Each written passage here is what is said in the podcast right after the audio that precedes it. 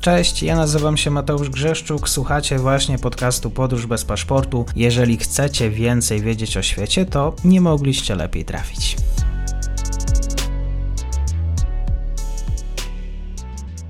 Dzień dobry wszystkim słuchaczom. Na tym podcaście komentujemy sprawę ukraińską, to co się dzieje na wschodzie z perspektywy różnych państw. O Indiach e, nie zapominając, dlatego moim gościem jest pan Patryk Kugiel, analityk Polskiego Instytutu Spraw Międzynarodowych. Dzień dobry.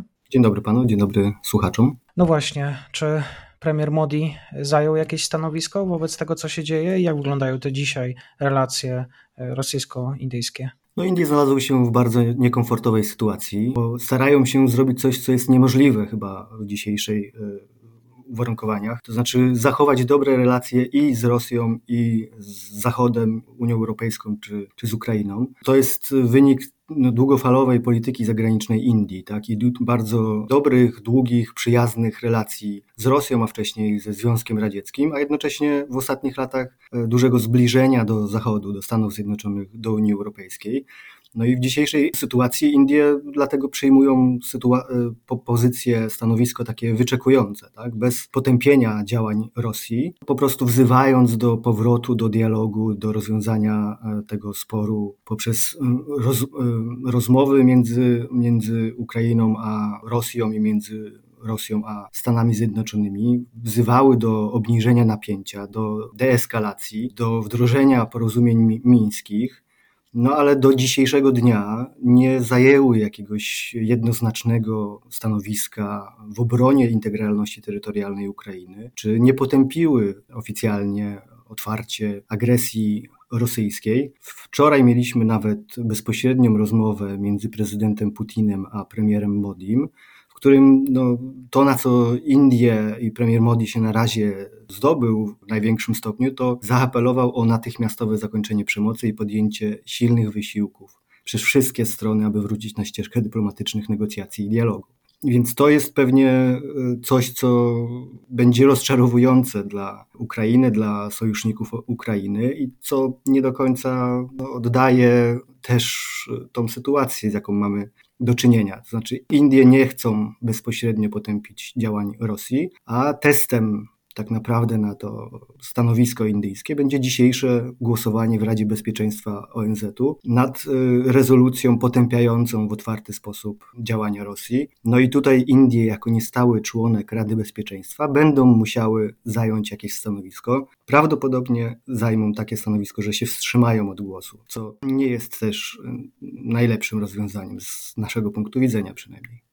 Mhm. A co mówią na to indyjskie media i czy tutaj jest jakiś, e, jakaś różnica w kontekście do tego, co mówią władze? No, e, dzisiejsze główne tytuły, główne dzienniki indyjskie są bardzo, bardziej tutaj jednoznaczne i używają języka jednoznacznego, tak, wskazując na agresję rosyjską, na złamanie prawa międzynarodowego prze, przez Rosję. Więc e, w mediach i wśród ekspertów indyjskich jest większe jakby zrozumienie, że dzisiaj sytuacja jest jednak inna niż w 2014 roku, bo pamiętajmy, Wtedy też Indie zajęły taką postawę neutralną, tak, starając się no, nie zniechęcić nikogo. I nie potępiły wtedy też działań Ros Rosji. No ale dzisiaj jednak sytuacja jest zupełnie inna, tak, bo mamy do czynienia z otwartym złamaniem prawa międzynarodowego, z pogwałceniem integralności terytorialnej niepodległego państwa, wmieszaniem się Rosji w wewnętrzne sprawy na Ukrainie. To są wszystko wartości, do których Indie przez całe swoje niepodległe istnienie odwoływały się jako podstawa ich polityki zagranicznej. W ostatnich latach premier Modi bardzo często i chętnie przedstawiał Indię jako taką wiodącą potęgę, prowadzącą politykę opartą na wartościach, obrońcę prawa międzynarodowego, więc stąd jest pewne większe oczekiwanie do tego, że jednak Indiom nie będzie łatwo dzisiaj zająć takiego stanowiska jak te kilka lat temu.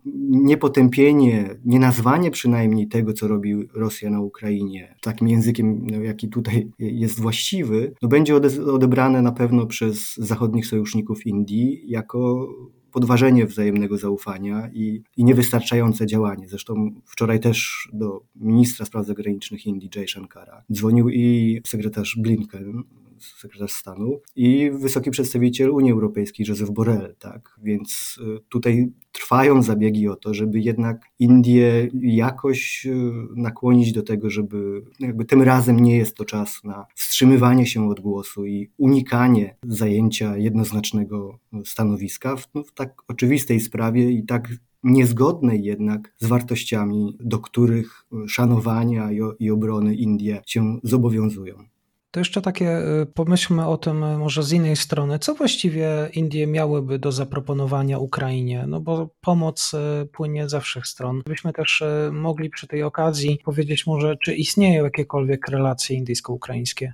Po pierwsze, Indie zbyt wiele do zaoferowania Ukrainie nie mają, poza jednoznacznym poparciem dyplomatycznym, tak, potępieniem działań Rosji. Indie nie wyślą nie wiem, wojska ani uzbrojenia, raczej są odbiorcą też ukraińskiego uzbrojenia. Tutaj mamy głównie wymianę handlową, nie wiem, żywnościową i trochę sprzętu, trochę sprzętu wojskowego, co Indie kupowały na Ukrainie. Na Ukrainie też y, studiuje bardzo wielu obywateli indyjskich, y, co jest też jednym z elementów przez które Indie patrzą na ten dzisiejszy kryzys, bo, bo przed wybuchem konfliktu, wojny ostatnio, na Ukrainie studiowało prawie 20 tysięcy indyjskich studentów i teraz ewakuacja tych ludzi z, z Ukrainy no, jest priorytetem dla rządu indyjskiego. Więc te relacje nie były jakoś specjalnie rozwinięte. Indie patrzyły zawsze po, po zimnej wojnie na tę tą część Europy trochę przez pryzmat e, rosyjski, przez, przez swoje specjalne relacje z Rosją.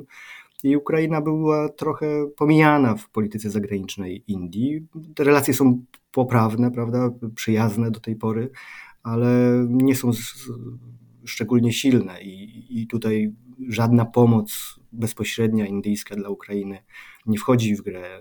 Ale dobrze by było, żeby Indie chociaż po prostu nazwały to, co się tam dzieje, właściwym językiem i oto jest główna gra. Czyli Indie na razie dyplomatycznie, z perspektywy przede wszystkim ostrożnie, bo chodzi oczywiście o relacje z Rosją. Pan Patryk Kugiel z Polskiego Instytutu Spraw Międzynarodowych był moim gościem. Serdecznie dziękuję. Dziękuję bardzo. I to już koniec na dzisiaj. Zapraszam na profil podcastu Podróż bez paszportu na Facebooku, Instagramie i Twitterze. Zachęcam też do wsparcia mojej pracy na serwisie Patronite oraz Buy Coffee. Do usłyszenia.